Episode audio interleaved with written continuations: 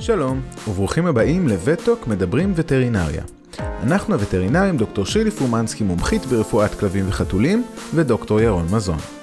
בכל אחד מהפרקים של הפודקאסט שלנו נשתף אתכם בנושא וטרינרי מעניין, ונחשוף בפניכם מעט מהעולם הווטרינרי.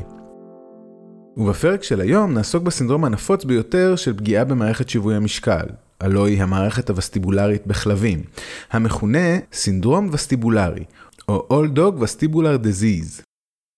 אז מה שלומך שירלי? שלומי מצוין, ומה שלומך ירון? שלומי מעולה. מה את אומרת? שנתחיל? כן, בוודאי. הבעלים של מייפל, כלבת גולדן רטריבר בצבע המייפל משגע שמכאן כנראה הגיע גם שמה, התקשרה להגיד שהיא חייבת להגיע עם מייפל כי מייפל לא מפסיקה להקיא ביום וחצי האחרונים ושאין לה גם כל כך תיאבון. אה, כבר בטלפון שאלנו אותה אם מייפל הייתה בימים האחרונים בבית, אה, האם הבעלים החליפה למייפל סוג של מזון, אם פתחה לה שק מזון חדש, או דווקא אם היא בסופו של השק, אה, אם נתנו למייפל חס וחלילה בטעות עצמות, או אם מייפל אכלה איזה שאריות של אוכל ביתי. אז הבעלים של מייפל ענתה בלא, לא ולא על כל אחת מהשאלות שלנו. אה, מייפל לא הייתה בפנסיון או ב doggy sitter, הייתה כל הימים בבית, למעט הטיולים היומיים שלה, אה, לא הוחלף לה מזון, והיא בכלל באמצע של שק המזון שלה. הם כמעט נעלבו אפילו לגבי השאלה של העצמות, הבעלים שלה, אה, מייפל היא כלבה בת 12 וקצת, מעולם לא נתנו לה עצמות, הם יודעים שזה מסוכן ושזה מאוד לא מומלץ. ולמרבה הפלא מייפל, למרות הגזע שלה, היא לא אחת כזו שחוטפת מזון ברחוב. אז הבעלים של מייפל הגיעו למרפאה, עם מייפל כמובן, וככה איך שהסתכלתי עליה עוד כשהיא הייתה מחוץ לדלת הכניסה שלנו, ובאמת במבט ראשון היה נראה לי משהו מוזר אצלה. לקח לי איזה רגע או שנייה להבין אה, מה הדבר המוזר הזה שאני רואה. ואז קלטתי בעצם שמייפל הלכה לא יציב, היא קצת התנדנדה. ומה שהיה די ברור שהיא טטה את הראש, הטיה ממש עדינה, אבל הטיה עדינה אה, לצד ימין. תשאלתי שוב את הבעלים של מייפל על תחילת האירוע הזה של ההקאות ועל הסימנים הקליניים. הם הסבירו לי שהכל קרה בבת אחת, באופן פתאומי. בבוקר הם עוד הספיקו ללכת עם מייפל לטייל, היא הייתה במצב רוח נהדר, ובתום הטיול סיימה בפחות מדקה את ארוחת הבוקר היומית שלה, ואחרי כמה שעות היא החלה, החלה ממש להקיא בבת אחת ונהייתה חלשה. ערכתי למייפל בדיקה פיזיקלית, היא שיתפה איתי פעולה באופן מלא, פשוט כלבה מתוקה. אה, אפילו קשקשה מעט בזנבה, אבל היה ברור שמשהו לא בסדר ושהיא לא מרגישה טוב. אה, ללא ספק היה לה קושי להתהלך. היא נראתה כמו מישהי שמנסה להתמצא בחדר והולכת ככה כשהיא מתנדנדת מצד אל צד. היא כן ראתה, היא כן הגיבה לשמה. הראש שלה היה בהחלט מוטה ימינה, והעיניים שלה ריצדו מצד לצד, בכיוון אופקי, ככה ימינה ושמאלה. אה, ריצוד שהבעלים של מייפל לא הבחינו בו בכלל בבית, והראינו להם אה, אותו במרפאה. למייפל היה גם מעט ריר מהפה, שהעיד שהיא מובחלת. בדיקת אוזניים שלה הייתה תקינה לחלוטין. השלמנו את הבדיקה הפיזיקלית של מייפל עם בדיקה נוירולוגית מקיפה, כי היה ברור אה, שהבדיקה הפיזיקלית מצביעה על איזושהי בעיה נוירולוגית, בעיה במערכת העצבים. ובאמת, הבדיקה הנוירולוגית הצביעה על חוסר שיווי משקל. אבל בבדיקה של רפלקסים היקפיים, רפלקסים פריפריים, אה, נראה היה שכל הרפלקסים תקינים בגפיים, אה, בכל ארבעה גפיים. אה, הייתה ניכרת הטיית הראש ימינה, כמו שאמרנו, הריצוד האופקי הזה בעיניים, כשהפאזה המהירה של הריצוד היא לצד שמאל, לצד הנגדי לזה של הטיית הראש. אנחנו עוד נחזור לזה מאוחר יותר, אבל אני רוצה לציין את זה. כל הסימנים הצביעו על כך כי מייפל לא קלקלה את הקיבה, ולמעשה הבעיה ממנה היא סובלת היא פגיעה במערכת הוויסטיבולרית, או מערכת שיווי המשקל. אה, וזה מעט מפתיע, לא? אה, מכלבה עם הקאות אקוטיות, עם חשד גבוה לבעיה הקשורה אולי במערכת העיכול, הגענו להבחנה של פגיעה במערכת שיווי המשקל, שהיא חלק ממערכת העצבים. זה משהו שקורה לא מעט, שהבעלים מביאים את בעל החיים בגלל שהם בטוחים שהוא סובל ממשהו אחד, כמו הקאות במקרה של מייפל, אך לאחר התשאול והבדיקה הגופנית הכיוון משתנה לחלוטין, ומתברר שהבעיה היא שונה לגמרי מהבעיה או התלונה המקורית של הבעלים. משהו מתברר בעת אה, הרכבת הפאזל הזה שאנחנו עושים. פתאום אנחנו בכיוון אבחון לגמרי אחר. לדוגמה, כמה חתולים שמגיעים אלינו, שהבעלים שלהם בטוחים שהם לא מצליחים לתת צואה, הם בעצם חתולים שלא מצליחים להטיל שתן והם חתולים חסומים, או להפך? נכון לגמרי. וזה תמיד אה, מדהים כשהסיטואציה הזו שתיארת קורית ומתרחשת. במקרה של מייפל הסוויץ' הזה היה יחסית קל, למרות שהסימנים של הפגיעה במערכת שיווי המשקל שלה באופן יחסי לא היו מאוד קשים. יש לנו כלבים שהפגיעה במערכת שיווי המשקל שלהם הרבה יותר חמורה, עד כדי כך חמורה, שהם אינם יכולים אפילו להעמד, אה, לא לדבר על ללכת. אה, הבעלים שלהם לפעמים צריכים ממש לסחוב אותם על הידיים לאוטו ואחר כך למרפאה, או שחייבים להיעזר בעוד מישהו.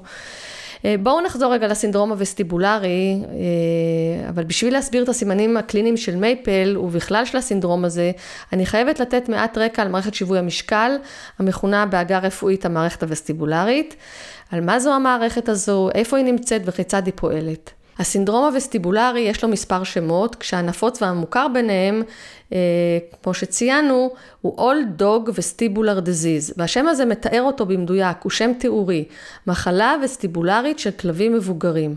כי באמת, מרבית המקרים שאנו רואים הם בכלבים מבוגרים, ללא העדפה או נטייה לגזע מסוים או, או למין, אה, והסיבה להופעה שלו לא ידועה, אה, ומכאן גם יש לו שני שמות נוספים.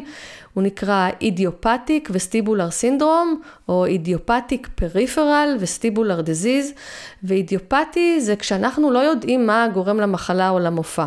אין עדות לפגיעה אנטומית בעצב או באחד המבנים המורכבים של מערכת העצבים, אין תהליך שיכול להצביע או להעיד על איזשהו תהליך דלקתי או זיהומי, ואין סימנים המעידים על שבץ. כלומר, אין גורם ידוע, כמה שזה נשמע לא הגיוני או מוזר, או קשה לקבלה. ואני רק רוצה להגיד שלמרות שבשם הנפוץ ביותר שלו מופיעה המילה כלב, אנחנו מוצאים את המופע הזה, את הסינדרום הווסטיבולרי, גם בחתולים מבוגרים, אם כי בשכיחות הרבה יותר נמוכה. מערכת שיווי המשקל היא מערכת מורכבת. אה, היא מהווה חלק ממערכת העצבים והקולטנים או הרוצפטורים שלה נמצאים באוזניים. זוהי בדיוק המערכת שאחראית על כך שאנחנו עומדים ישר, הולכים ישר, לא מתנדנדים וגם מתמצאים במרחב. זו מערכת שנותנת לנו בעצם מידע רציף כל הזמן ומתאמת את תנועת הרגליים או הגפיים של בעלי חיים, את מנח הגוף עם תנועות העיניים, ולא משנה אם אנחנו, או בעלי החיים, הולכים, רצים, מתכופפים, שוכבים, אה, או הולכים או רצים בשיפוע או בהפרשי גובה, היא בעצם המערכת הזו מאפשרת לנו, כמו שאמרתי, להתמצא במרחב. ובכך מאפשרת לנו קואורדינציה בין תנועה ושיווי משקל, ובאותו האופן גם לכלבים ולחתולים. יצורים חיים הם מכונות מופלאות. תחשבו על מה שנדרש בכדי שאנו, או בעלי החיים, נלך או נרוץ בלי ליפול, בלי לחוס חרחורת ובלי להרגיש בחילה. כמה אינפורמציה מעובדת, איזה תנועות שאנחנו אפילו לא חושבים עליהן אנחנו עושים בכדי להתאים את עצמנו, איזה רפלקסים אנחנו מפעילים בלי מודע, וכל זאת כדי לשמור על שיווי משקל ומיקוד תנועות העיניים בזמן ריצה, הליכה או כל שינוי מצב. כלומר, כל תנועה שאנחנו עושים. וחיישנים רבים של מערכת שיווי המשקל הזו, למרבה הפלא, נמצאים דווקא באוזן. נכון, האוזן היא איבר המשמש גם לשמיעה, אך גם לשיווי משקל ביונקים. אבל אם להיות מדויקים, מערכת שיווי המשקל היא חלק מהאוזן הפנימית. כבר אמרתי שזו מערכת מורכבת, אבל לא אמרתי גם כמה היא יפה במבנה שלה. היות ואנחנו חיים בתלת מימד, הרי שהיא גם בנויה או התפתחה במהלך האבולוציה לצרכים האלה בדיוק. המערכת הזו עשויה מתעלות חצי עגולות, מעין כמו מערכת קרומים, אבל אה, התעלות האלה ממוקמות בכיוונים שונים, כך שמתקבלת זווית של 90 מעלות בין התעלות המרכיבות אותה. התעלות האלה נמצאות בתוך מה שאנחנו מכנים המבוך של האוזן הפנימית. בנוסף על התעלות האלה שמסודרות במרחב בצורה, בצורה באמת כל כך יפה ומושלמת, מוזמנים לעשות גוגל ולהסתכל. המערכת מורכבת גם אה, מעצב קרניאלי, הצו אה, שנמצא בראש, מספר 8. הצו הזה הוא אותו הצו האחראי גם על השמיעה וגם על שיווי המשקל, ומכאן גם שמו הלועזי. אה, והתפקיד שלו להעביר באמת את האינפורמציה מהאוזן הפנימית אל המוח. אני לא אכנס כאן לפרטים באנטומיים נוספים, אני רק אציין שלמערכת שיווי המשקל יש גם חלקים נוספים מעבר לאוזן ולעצב מספר 8, הכוללים את, את הגרעינונים של העצבים הווסטיבולריים משני צידי המוח המוערך, מה שנקרא גזע המוח, ויש עוד מבנים המחברים אותה לחלק במוח הקטן. כלומר, החלקים במערכת שיווי המשקל נמצאים במערכת העצבים ההיקפית, הפריפרית, וחלקים אחרים נמצאים במערכת העצבים המרכזית. אז עכשיו אפשר לחזור למייפל ולהבין מה היו הסימנים הספציפיים של מייפל שהכווינו אותך לפגיעה במערכת הווסטיבולרית ההיקפית או הפריפרית, בניגוד לפגיעה במערכת שיווי המשקל המרכזית. מה שעזר לי הוא השילוב של הממצאים בבדיקה הפיזיקלית ושל הסימנים הקליניים שתוארו על ידי בעליה של מייפל. ואחד הדברים הראשונים והחשובים הם התיאור של ההופעה הפתאומית הזאת של הסימנים הקליניים, בבת אחת, מופע אקוטי ודרמטי מאוד. סימנים שיכולים להתפתח לפעמים תוך שעה, כל כך מהר. אין איזו הידרדרות אה, על פני מספר ימים או שבועות או אחרי כמה שעות, כמו שהבעלים של מייפל סיפרו, בבוקר היא התנהגה לגמרי כרגיל, היא הייתה חיונית, ופתאום, בבת אחת בצהריים, חרב עליהם עולמם, כלבה אחרת לגמרי. המופע של הסינדרום הזה הוא מופע אקוטי, מהיר מאוד, שמתפתח תוך פרק זמן קצר אפילו של שעה, ואין התקדמות של סימני המחלה. הם לא מחריפים לאורך זמן לאחר המופע הראשוני הזה. זה מפחיד ודרמטי מאוד. רגע אחד הכלב המבוגר והשמח שלך נראה ומרגיש טוב, ורגע לאחר מכן הוא אפילו לא מצליח להיעמד. הוא מקיא, העיניים שלו מרצדות, הראש שלו מוטה. לעתים רחוקות הם אפילו ממש מתגלגלים. פחד אלוהים. אה, מסכימה לגמרי, ירון. אה, בואו נרחיב על הסימנים הקליניים במופע הזה של הסינדרום הווסטיבולרי, של בעיה במערכת שיווי המשקל ההיקפית. כמו שאמרנו, המופע שלו הוא מופע אקוטי, מהיר מאוד, שמתפתח תוך פרק זמן קצר, אפילו תוך שעה, ואין התקדמות של סימני המחלה, הם לא מחריפים לאורך זמן, לאחר המופע הראשוני. בנוסף, יש הטיית ראש לאחד הצדדים, גם אם במקרה של מייפל ההטיה הזו הייתה קלה, עד כדי כך שהבעלים שלה אפילו לא הבחינו בכך, אבל הרבה מאוד פעמים זה אחד הדברים הראשונים שהבעלים מתארים לנו. יש גם uh, הליכה מוזרה, מה שאנחנו מכנים אטקסיה, שהיא לא בהכרח סימטרית. כשאני אומרת הליכה מוזרה בתיאור של אטקסיה, הכוונה היא שזו הליכה בלי קואורדינציה. כאשר תנועות הגפיים נראות ככה מגושמות וכאילו לא במקום. הרגל מונחת לא במקום שהיינו מצפים לה. קצת כמו שיכור שהולך ומתנדנד, שלא יציב, אה, שהוא לא מצליח לאמוד איפה הוא צריך לשים את הרגל, אבל הוא לא חלש, אין חולשת גפיים. חשוב לי להגיד, אה, להדגיש שלא מדובר בחולשת שרירים. יש כלבים, שוב, לא במקרה של מייפל, עם סימנים קשים יותר שנוטים ליפול ממש או להסתובב לצד מסוים. בדרך כלל הם מסתובבים לצד בו נגרמה הפגיעה למערכת שיווי המשקל.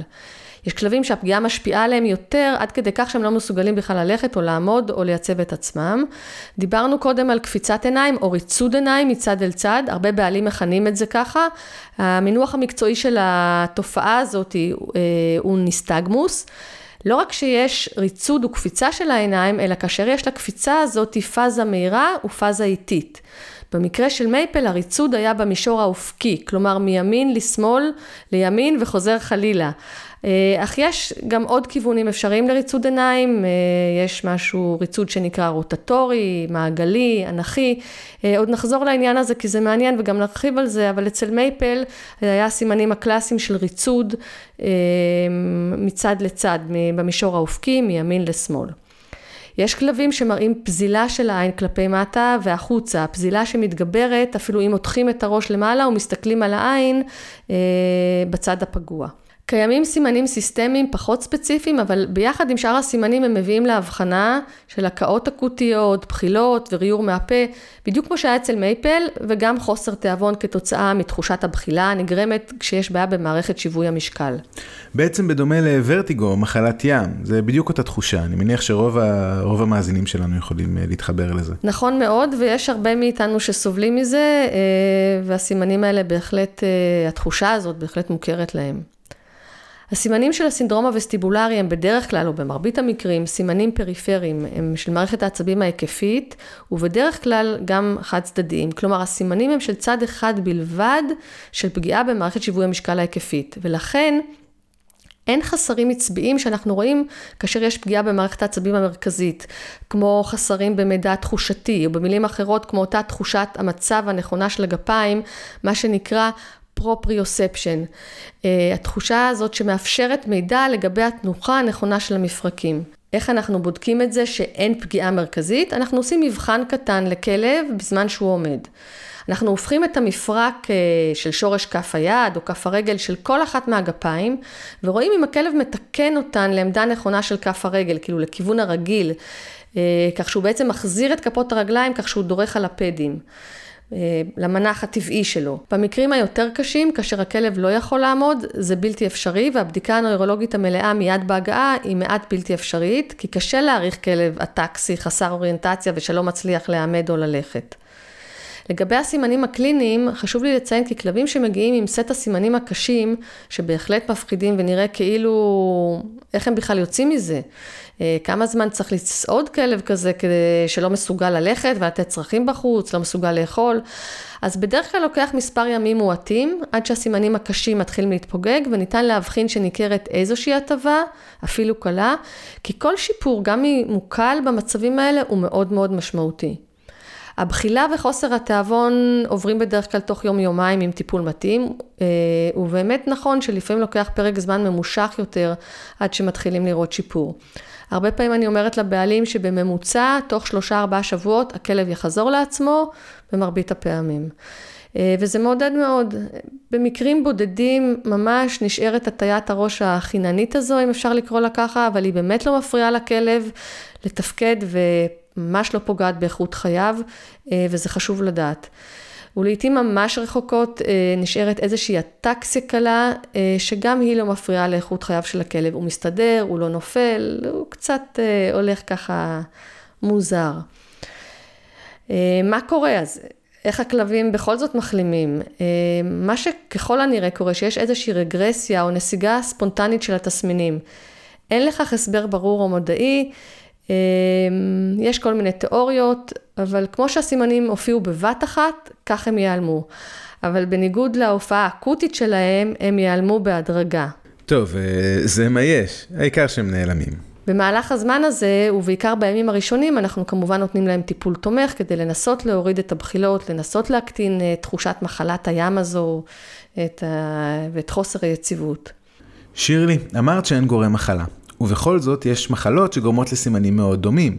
אנחנו חייבים לשלול אותם. אה, נכון מאוד, התסמינים של הסינדרום הווסטיבולרי יכולים להיות מאוד דומים עד זהים למחלות אחרות הנגרמות כתוצאה מפגיעה באחד מהחלקים המרכיבים את מערכת שיווי המשקל, כמו לדוגמה דלקת אוזן, יכולה להיות דלקת אוזן חיצונית, דלקת אוזן תיכונה, דלקת אוזן פנימית, אה, שכבר הזכרנו תפקיד האוזן במערכת שיווי המשקל, ולכן זו הסיבה שתמיד תמיד אנחנו עושים בדיקת אוזניים מקיפה כדי לשלול דלקת אוזן כסיבה לבעיית שיווי משקל, וכך גם עשינו עם מייפל, ועוד ציינו את זה במיוחד.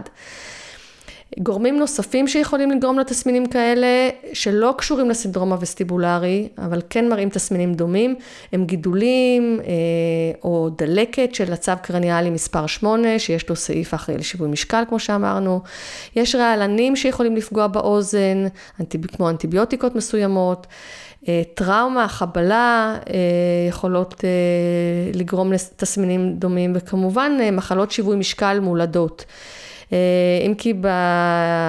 לא היינו מצפים למופע אקוטי בכלב מבוגר, אלא בכלב צעיר במצב של אה, מחלת שיווי משקל מולדת. בנוסף לכל אלה, יש מחלות של מערכת שיווי המשקל המרכזית, מחלות שיכולות להיראות דומות לסינדרום הווסטיבולרי, אך הן למעשה מחלות של מערכת העצבים המרכזית, ולא של הפריפרית, כמו במקרה של הסינדרום.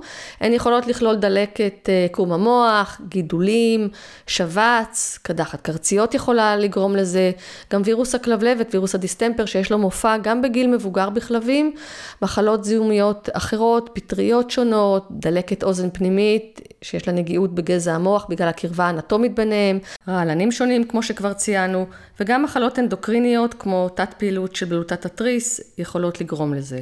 וחלילה אה, שלא נציין גם את הגורמים הספציפיים יותר בחתולים, בנוסף על כל אלה שמנינו בכלבים.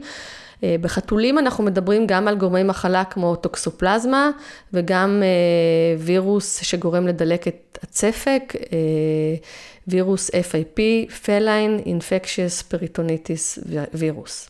אז בואי נסביר איך אנחנו מבדילים בין סימנים של פגיעה במערכת שיווי המשקל הפריפרית או ההיקפית של אולדוג וסטיבולר סינדרום, ובין סימנים של פגיעה במערכת שיווי המשקל המרכזית, שהיא הרי לא חלק מהסינדרום הווסטיבולרי.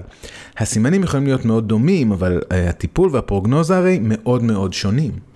זו שאלה מצוינת, עוד אחת, אה, שמחזירה אותי שוב לסימנים הקליניים. הסימנים הקליניים הם למעשה המפתח להחליט האם הפגיעה היא פריפרית או מרכזית.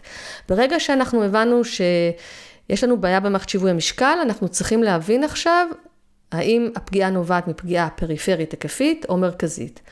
בניגוד לפגיעה פריפרית הנגרמת מהסינדרום הווסטיבולרי, הרי שבפגיעה מרכזית של מערכת שיווי המשקל יש הרבה פעמים מעורבות של גזע המוח. פגיעה בגזע המוח יכולה לגרום לחולשה כללית, אה, לפגיעה חד צדדית של חולשת גפיים, ולפעמים גם לחסרים פרופריוצפטיביים, אותם החסרים אה, שאנו בודקים עבורם את התנוחה הנכונה של המפרקים. האם הכלב מתקן אותן לעמדה נכונה של כף הרגל, אחרי שהופכים אותן לכיוון הרגיל, כך שהוא מחזיר את כפות הרגליים באופן שהוא דורך על הפדים במנח התקין שלו, זאת אומרת, במצב התקין, בעמדה תקינה. פגיעה במיקומים מרכזיים אחרים של מערכת שיווי המשקל המרכזית, לאו דווקא בגזע המוח, אבל גם, כלומר, לכל אורך הדרך שלה, שהיא ככה רצה או נמצאת במערכת העצבים המרכזית, יכולים לגרום להיפרמטריה, שזה צעדים לא מבוסתים הגורמים להליכה עם צעדים גדולים יותר מעבר למטרה שלהם. אני אנסה להסביר את זה. לדוגמה, אם אנחנו עולים מדרגות, אנחנו מתכננים ומחשבים אה, גם בלי מודע את גודל הצעד שנעשה.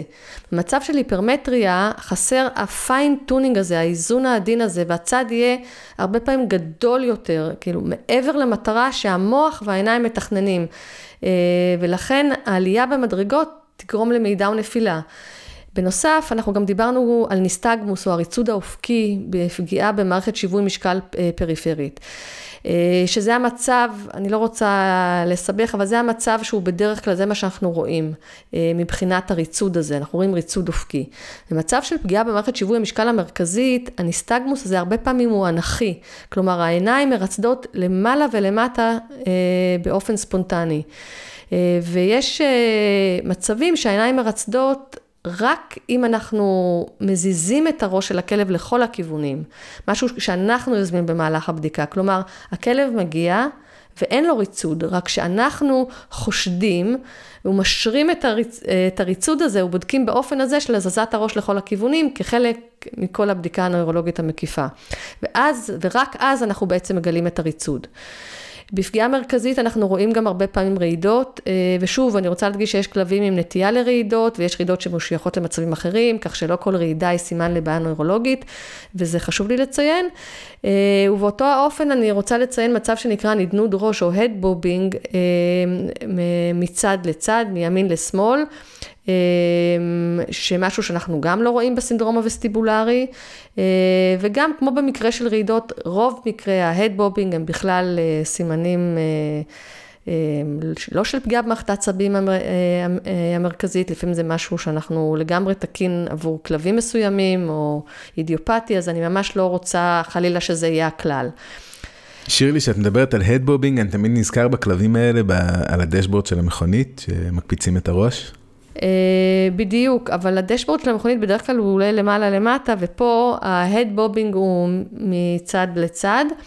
אז לצורך ההסבר זה מצוין, כי זו דוגמה מוחשית שכולנו מכירים, רק שכלבי הדשבורד הם מצחיקים ומשעשעים, אבל במקרה שלנו, אם חלילה יש פגיעה במערכת אה, אה, שיווי המשקל המרכזית, ויש סימנים קליניים של הדבובינג, זו בהחלט פגיעה משמעותית של המערכת הזו.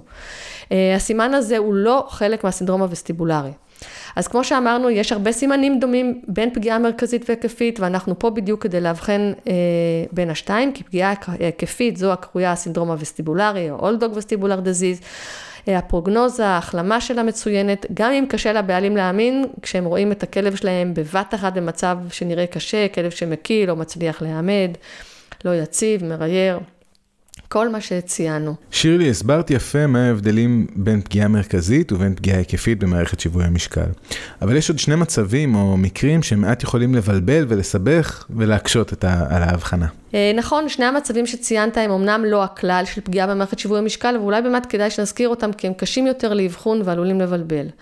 המצב הראשון הוא כן שייך למקרה ספציפי של הסינדרום הווסטיבולרי, הוא כן עונה על הקריטריונים של פגיעה במערכת שיווי המשקל ההיקפית, הפריפרית, אולדוג. אז זה כמו שלכל כלל יש מקרה יוצא מן הכלל, הסינדרום הווסטיבולרי לא יוצא מהכלל וגם הוא עונה על הכלל, אז יש לנו יוצא מן הכלל.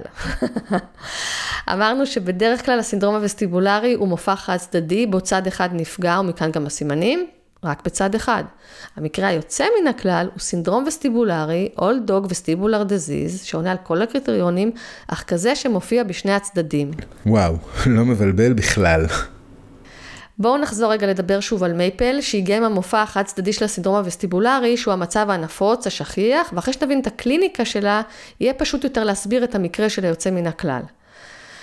אם הטיית הראש היא לצד ימין, כמו שהיה במקרה של מייפל, אז זה מרמז שככל הנראה הפגיעה במערכת שיווי המשקל ההיקפית היא בצד ימין. כלומר, באותו הצד או הכיוון של הטיית הראש, שהראש נוטה אליו.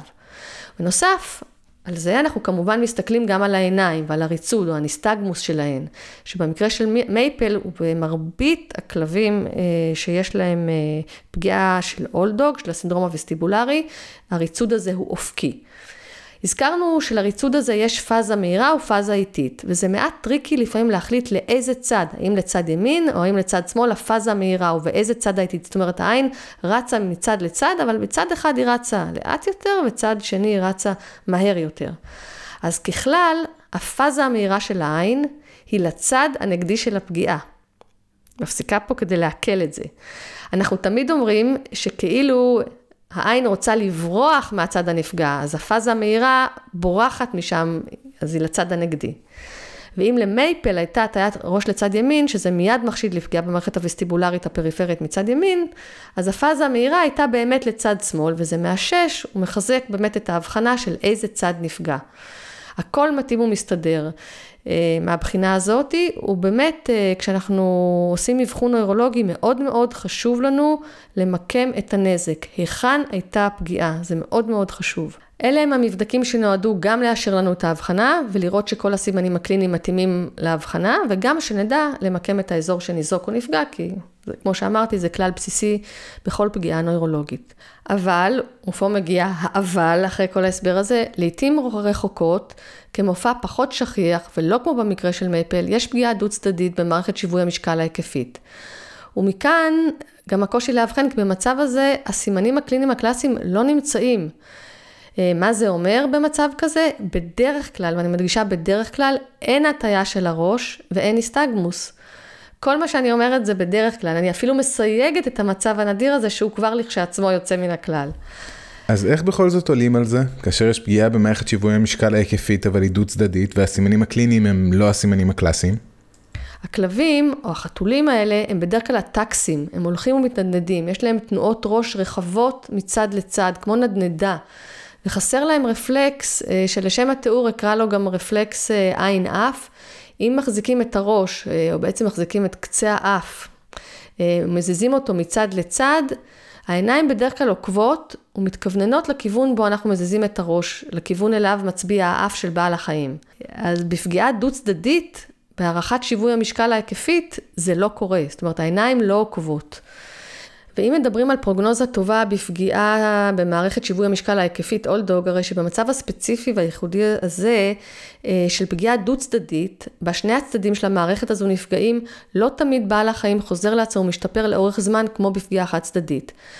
והסיבה לכך, כי המצב הזה יכול להיות אמנם על רקע אידיופתי, כמו במקרה החד-צדדי, אה, ואז הוא באמת עונה על הקריטריונים של אולד דוג, רק מצב יוצא דופן, היוצא מן הכלל, אבל בניגוד לפגיעה חד צדדית, בה אין עדות לנזק אנטומי או לגורם ראשוני, במצב דו צדדי אנחנו יכולים למצוא אה, סיבה נוספת, או סיבות נוספות, בנוסף לסיבה האידיופטית. כלומר, נזק דו צדדי יכול להיגרם גם ממצבים נוספים שאינם קשורים לסינדרום הווסטיבולרי, אבל המופע שלהם דומה, הרעלה, יכולה לעשות את זה טראומה, חבלה, דלקות אוזניים, דברים שכבר ציינו.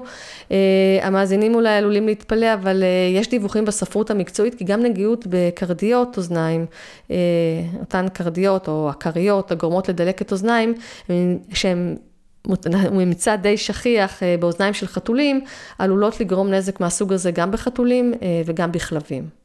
אז החרגנו שני מצבים. המצב הראשון הוא זה שדיברת עליו, פגיעה דו צדדית או בילטרלית במערכת שיווי המשקל ההיקפית. ומה לגבי המצב השני, שבו אנו רואים סימני אה, שיווי משקל פרדוקסליים? נכון. אם המצב הראשון שהחרגנו, המופע הדו צדדי, היה מבלבל לאבחון, אז במקרה הזה, המצב השני שציינת, הוא אפילו עוד יותר מבלבל.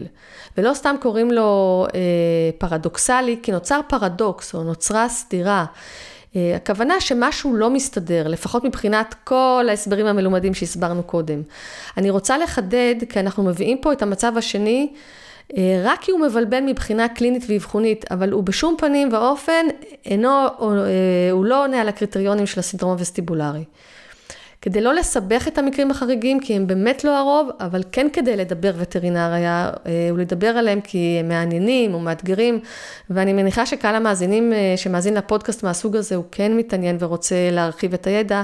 אני רק אגיד שהטיית הראש, במקרה הזה היא לא לכיוון בו נעשה הנזק למערכת הווסטיבולרית, כמו שקורה במצב השכיח של מופע חד צדדי, אה, כאשר יש פגיעה במערכת שיווי המשקל ההיקפית. במקרה הפרדוקסלי, שעומד, המקרה הזה שעומד בסתירה, שהדברים לא מסתדרים, אה, הטיית הראש היא לא לכיוון הצד הניזוק, אלא דווקא לכיוון הנגדי. בדיוק הפוך מכל מה שאמרנו קודם, והרחבנו ותיארנו עבור מייפל.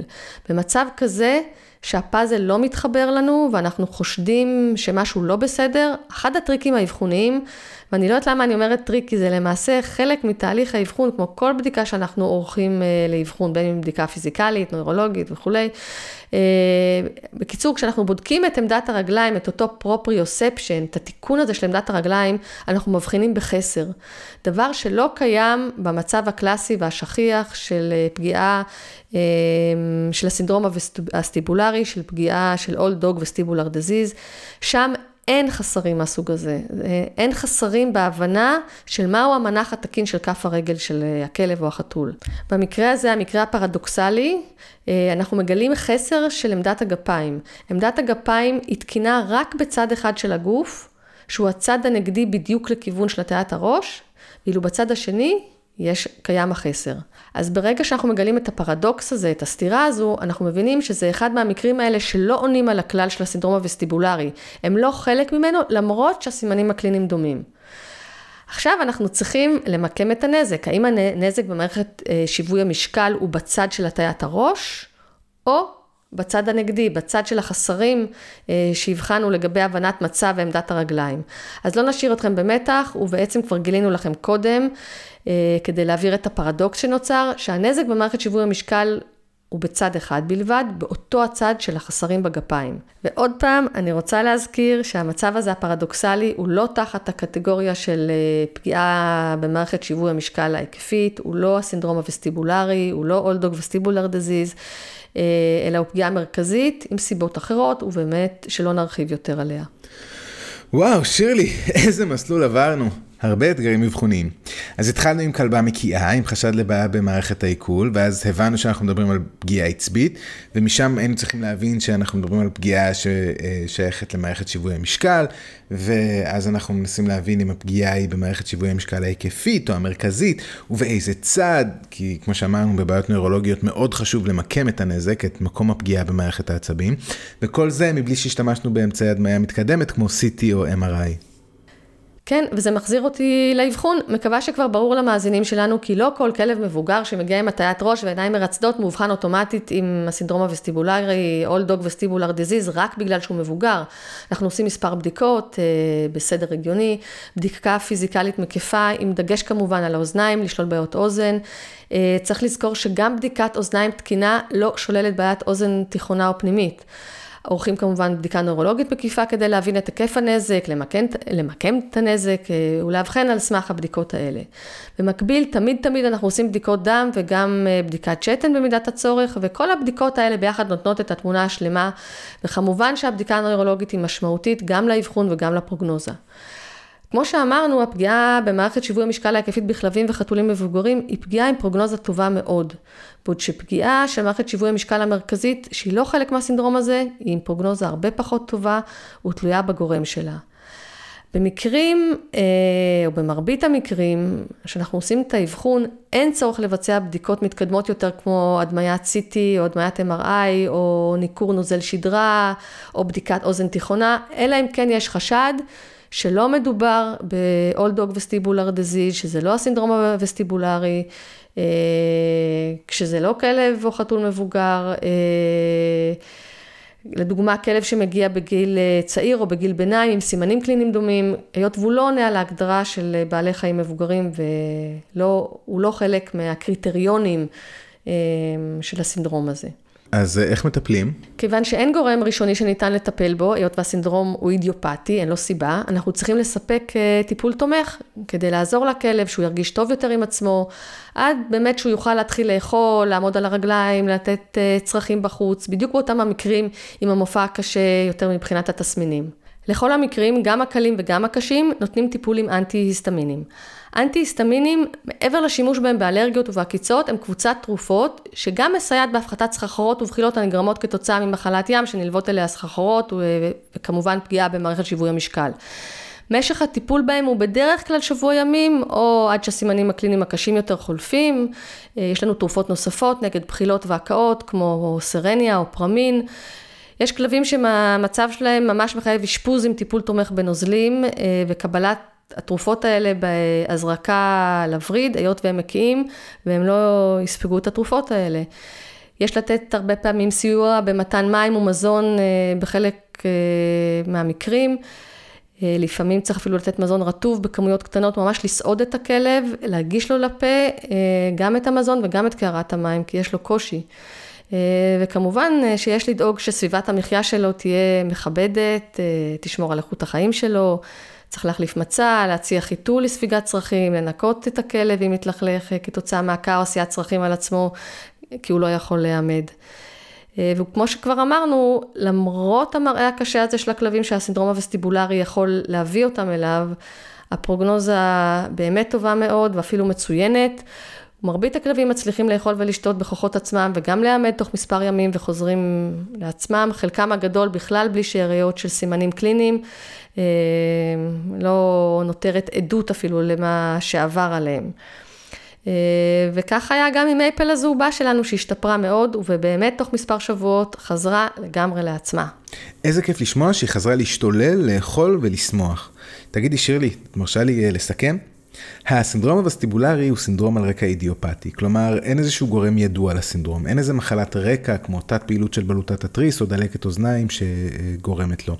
גם אין היסטוריה של טראומה, המופע שלו הוא מופע מאוד מאוד אקוטי, מהיר.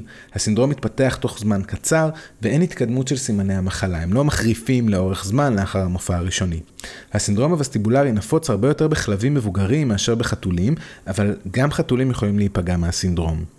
הסימנים הקליניים יכולים להיות סימנים קליניים קלים, כמו הטיית ראש, מעט הקאות, מעט אטקסיה ועד לסימנים וסטיבולריים קשים. של חוסר שיווי משקל מלא, אנחנו מדברים על כלב שמסתובב עם הטיית ראש מאוד חמורה, שלא מסוגל לעמוד, שנופל, שמתגלגל, שמרייר, שמקיא, הוא מאוד. הפרוגנוזה מצוינת. מרבית הסימנים הקליניים חולפים, אך עלולה להישאר איזושהי הטיית ראש קלה וחיננית גם לאחר מספר שבועות. ומה לגבי חזרתיות? סיכוי נמוך שתהיה חזרתיות. אם כי ראינו מקרים שבהם הייתה חזרתיות, ומהניסיון הקליני שלנו החזרתיות מתרחשת באמת בכלבים מאוד מאוד מבוגרים. וכן, חייבים לגשת למרפאה וטרינרית לאבחן, כי לא כל בעיה של חוסר שיווי משקל והסימנים הקליניים הנלווים אליה, קלים או חמורים, הם All Dog Vestibular Disease, והסימנים האלה עלולים להופיע גם במצבים אחרים, ולעיתים גם מסכני חיים. טוב, אז הגענו לסוף הפרק. תודה רבה שירלי, היה פרק מעניין, מרגיע, חשוב וגם מרגיע. כי זו בהחלט חוויה לא נעימה, שלא לומר מלחיצה מאוד, למצוא את הכלב המבוגר אך פעיל שלך עם בעיית שיווי משקל פתאומית. אבל מאוד מאוד משמח לדעת שתוך מספר שבועות כנראה שהוא יחזור לעצמו. אנו רוצים להודות לכם המאזינים שהאזנתם לנו גם הפעם. אנו מקווים שנהניתם מהפרק של וטוק מדברים וטרינריה להיום. אנחנו דוקטור ירון מזון ודוקטור שירלי פורמנסקי ואתם מוזמנים לשאול אותנו שאלות על מה ששמעתם היום. אם יש לכם הערות, הערות או סתם סיפורים מעניינים, שתפו אותם בדף הפייסבוק שלנו. פשוט חפשו וטוק מדברים וטרינריה בפייסבוק. וכמובן שניתן ומומלץ להאזין לפרקים נוספים בספוטיפיי, גוגל פודקאסט או באייטיונס. ואם נהניתם ואתם חושבים על חברים נוספים שייהנו מהפודקאסט שלנו, שתפו גם אותם. להתראות.